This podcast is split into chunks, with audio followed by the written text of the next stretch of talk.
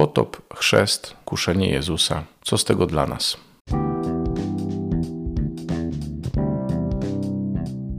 Halo, halo, tu Robert Hecyk i podcast Poznajomości. To są historie, którymi chcesz się dzielić, to są rozmowy, które łączą ludzi i to jest Jezus, którego warto słuchać. Zapraszam.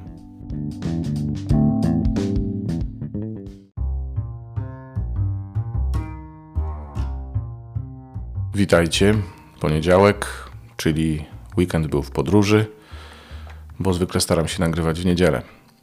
Dzisiaj mam dla Was słowo z Gdyni, gdzie byliśmy na spotkaniu naszej wspólnoty.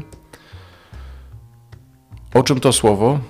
No właśnie, wczoraj Ewangelia między innymi o kuszeniu e, Pana Jezusa, ale nie tylko o tym, a właściwie nie tylko o tym była wczorajsza liturgia słowa.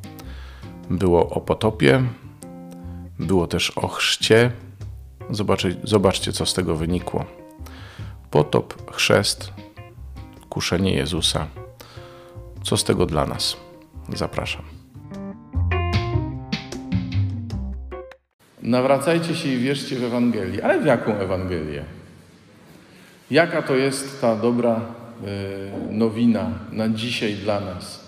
Bo Bóg ma każdego dnia dobrą nowinę dla nas. Każdego dnia jest jakaś dobra nowina. I mm, to jest y, ważne, żeby o tym wiedzieć, że każdego dnia jest dla nas jakaś dobra nowina. I każdego dnia jest nowa ta nowina, jak sama nazwa wskazuje. Jest y, dobra nowina każdego dnia, to znaczy, że Bóg coś nowego dla nas robi. I wyzwanie, jakie, tak mi się wydaje, stoi przed nami codziennie, ale w Wielkim Poście zwłaszcza, jest takie.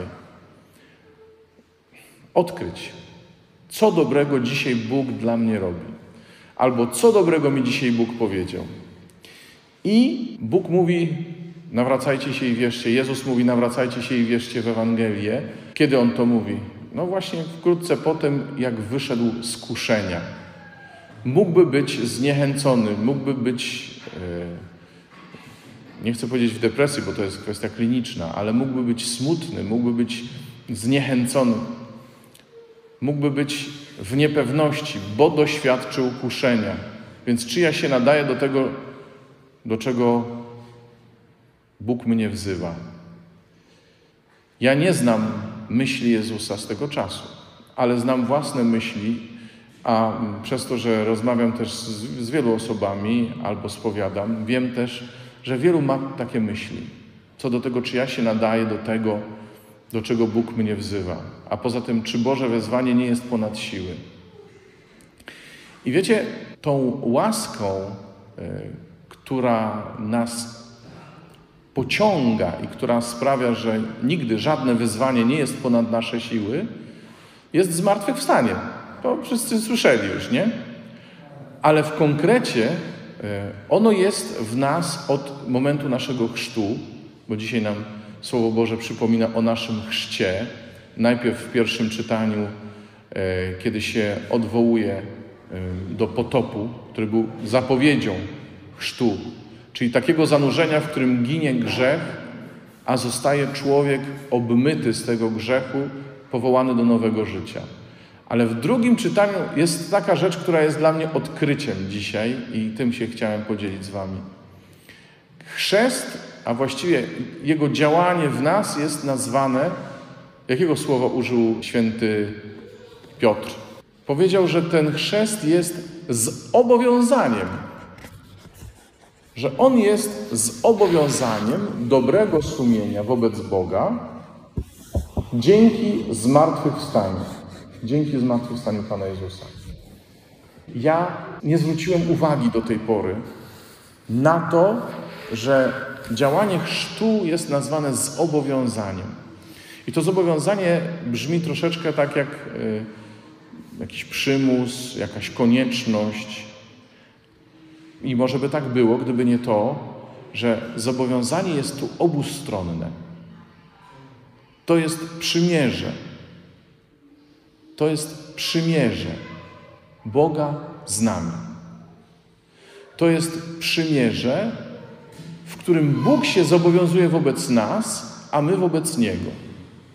My chcemy iść za Nim, tam dokąd On nas prowadzi, a On chce nam dać siłę, żebyśmy tam doszli, gdzie On nas prowadzi. Żeby to nie było tak, że wiecie, jak to było, było w piosence, nie? Los cię w drogę pchnął i ukradkiem drwiąc się śmiał, bo e, czekaj, nadzieję dając ci fałszywy pieniądz dał. Tak było? No. To tak nie jest właśnie z Bogiem. Z Bogiem jest dokładnie odwrotnie. Bóg wtedy, kiedy nas chce gdzieś poprowadzić albo gdzieś posłać, jest przy nas, stoi i dodaje nam siły. I to zobowiązanie, które wynika z chrztu, najpierw jest zobowiązaniem rodziców, żeby tak żyć, żeby dorastający młody człowiek chciał i pragnął być z Panem, a nie tylko musiał, bo mu starsi powiedzieli, że musisz, ale żeby chciał i pragnął być z Panem, a potem to już jest zobowiązanie tego dorosłego człowieka, żeby odpowiadać na łaskę, na dar. I myślę sobie, że to, co dzisiaj widzieliśmy e, z Jezusem, że był kuszony przez szatana i się tej pokusie oparł, to jest znak tego, jak bardzo On jest bliski nam, właśnie wtedy, kiedy my się czujemy słabi i tacy rozbici. On wtedy jest przy nas, bo On tego samego doświadczał. To nie jest tak, że Jezus, będąc Bogiem, On sobie radził inaczej z pokusami. Bo pokusa dotyka w nas tego, co ludzkie, a nie tego, co boskie.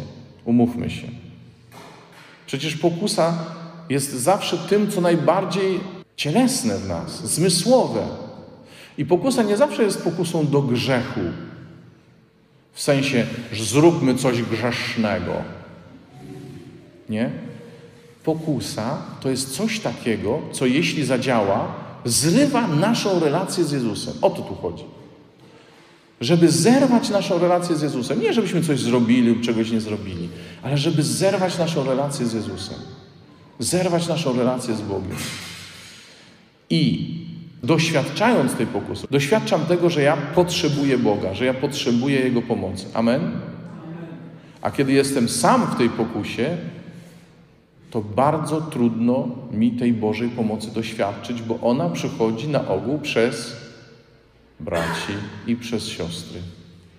Ja trochę się powołuję na Alvaro, naszego brata ze wspólnoty, kto nie zna, Alvaro Gramatyka, pasterz oazy w Camparmo, który dzisiaj, będzie rokowanie produktu teraz, dzisiaj e, w swoim komentarzu do Ewangelii według świętego Marka właśnie o tym mówi. Ten komentarz możecie posłuchać sobie na naszych stronach, Kekakonet oczywiście, w porannym suplemencie diety który, się, diety, który się reaktywował. To tak zostawiam Wam e, to, bo e, to jest Słowo Boże na Wielki Post dla Was. I Alvaro mówi tak, pokusa nie jest niczym złym, bo nam pomaga uświadomić sobie, że potrzebujemy Boga i że potrzebujemy brata. I w pokusie pierwszą rzeczą, którą mamy zrobić, to nie walczyć z nią, żeby ją przemóc, ale chwycić się brata i zwrócić się ku Panu. Czyli nasze żywe relacje, niezależnie od pandemii, słuchajcie, nasze żywe relacje z przyjaciółmi, z ludźmi, którzy tak jak my szukamy Pana, szukają Pana, i nasza wierność, nawet jak tego nie czujemy, nawet jak nam się nie chce, naszej, naszej modlitwie, to jest coś, co jest lekarstwem na pokusę. Żeby nie zerwać naszych relacji z Panem i z braćmi. I to jest też sposób przeżywania tego naszego zobowiązania chrzcielnego, naszego dobrego sumienia, bo jak się kształtuje dobre sumienie? No właśnie przez kontakt ze Słowem Bożym, przez słuchanie Słowa i przez bycie z braćmi. Wtedy nasze sumienie jest gotowe do, do podążania za Panem i będziemy rozpoznawać, co jest dobre, co jest złe. Nikt nam nie będzie tego musiał mówić.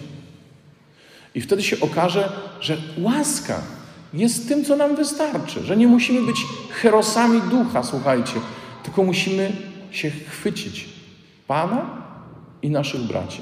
I słuchajcie, my to tak często mówimy i o tym tak często e, się mówi we wspólnocie, że już niektórzy twierdzą, że to no, taka jest mantra, którą, się, którą wszyscy powtarzają. Ale z drugiej strony, czy my mamy sobie mówić, słuchaj, musisz być taki, taki, nie wolno ci tego, tego, tego, to jest złe, to jest złe. Nie, bo Bóg ci to powie w sercu. Jeśli będziesz miał dobre sumienie. A dobre sumienie masz wtedy, kiedy słuchasz Słowa Bożego i kiedy ufasz też Twoim braciom, którzy Ci powiedzą, stary, no nie tędy. I nasze sumienie, które nas prowadzi drogą naszego chrztu, naszego zanurzenia w wierze, nasze, nasze sumienie jest czymś, czego się nie da niczym zastąpić. A zobowiązanie tego sumienia, które wynika z naszej relacji z Bogiem, jak powiedziałem, jest podwójne. My się zobowiązujemy, że będziemy żyli zgodnie z tym sumieniem, a Pan, że, że da nam siłę do tego. I nie martw się, kiedy przychodzą pokusy. Martw się wtedy, kiedy się będziesz czuł bezpieczny i kiedy będziesz myślał, że jest ok wszystko. Tym się martw. Nie tym, że masz słabą wiarę, ale tym, że czujesz się już fajnie. O tym się martw. Bo się przewrócisz i nawet nie będziesz wiedział kiedy. Poczucie bezpieczeństwa, słuchajcie, jest bardzo złudne, kiedy je opieramy na sobie.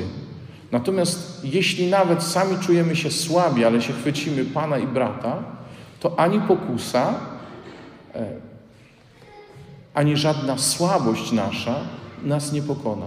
Jeszcze jedno chciałem powiedzieć jako PS. Czasami tą pokusą jest cierpienie. W sensie nie, że kusi nas, żeby trochę pocierpieć. Chyba nie o to chodzi, nie? Kusi nas co innego. Cierpienie, które my przypisujemy Bogu, że pochodzi od Niego. Jakieś zło, którego doświadczyliśmy. Czyjś grzech, którego doświadczyliśmy. I my to chcemy przypisać Bogu. Spontanicznie nam przychodzi, dlaczego Bóg na to pozwala. Dlaczego On tak... To jest właśnie pokusa. Nie? Zobaczyć zło w Bogu, bo to by oznaczało, że Bóg przestał być Bogiem.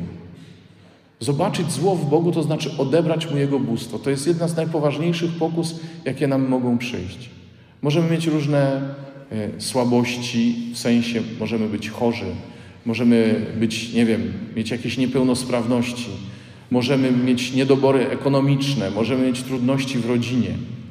Ale powiedzieć, Boże, czemu Ty na to pozwalasz? To wszystko Twoja wina, to może jest i gest jakiejś rozpaczy, na który emocjonalnie możemy sobie pozwolić, ale rozumem i wolą już nie. Bo jeśli jesteś wierzący, to wierzysz przede wszystkim w to, że Bóg jest miłością. I największą pokusą może być to, żeby temu zaprzeczyć. Więc dzisiaj Pan nas wzywa do tego, żebyśmy uwierzyli w to, że nie ma takiej pokusy, w której On by nie był po naszej stronie. Nie ma takiej pokusy, której on by wcześniej nie doświadczył. I też nie ma takiego zobowiązania, którego on by nam nie pomógł dotrzymać. Amen? Amen. Tego Wam i sobie życzę, żebyśmy tego zawsze byli pewni.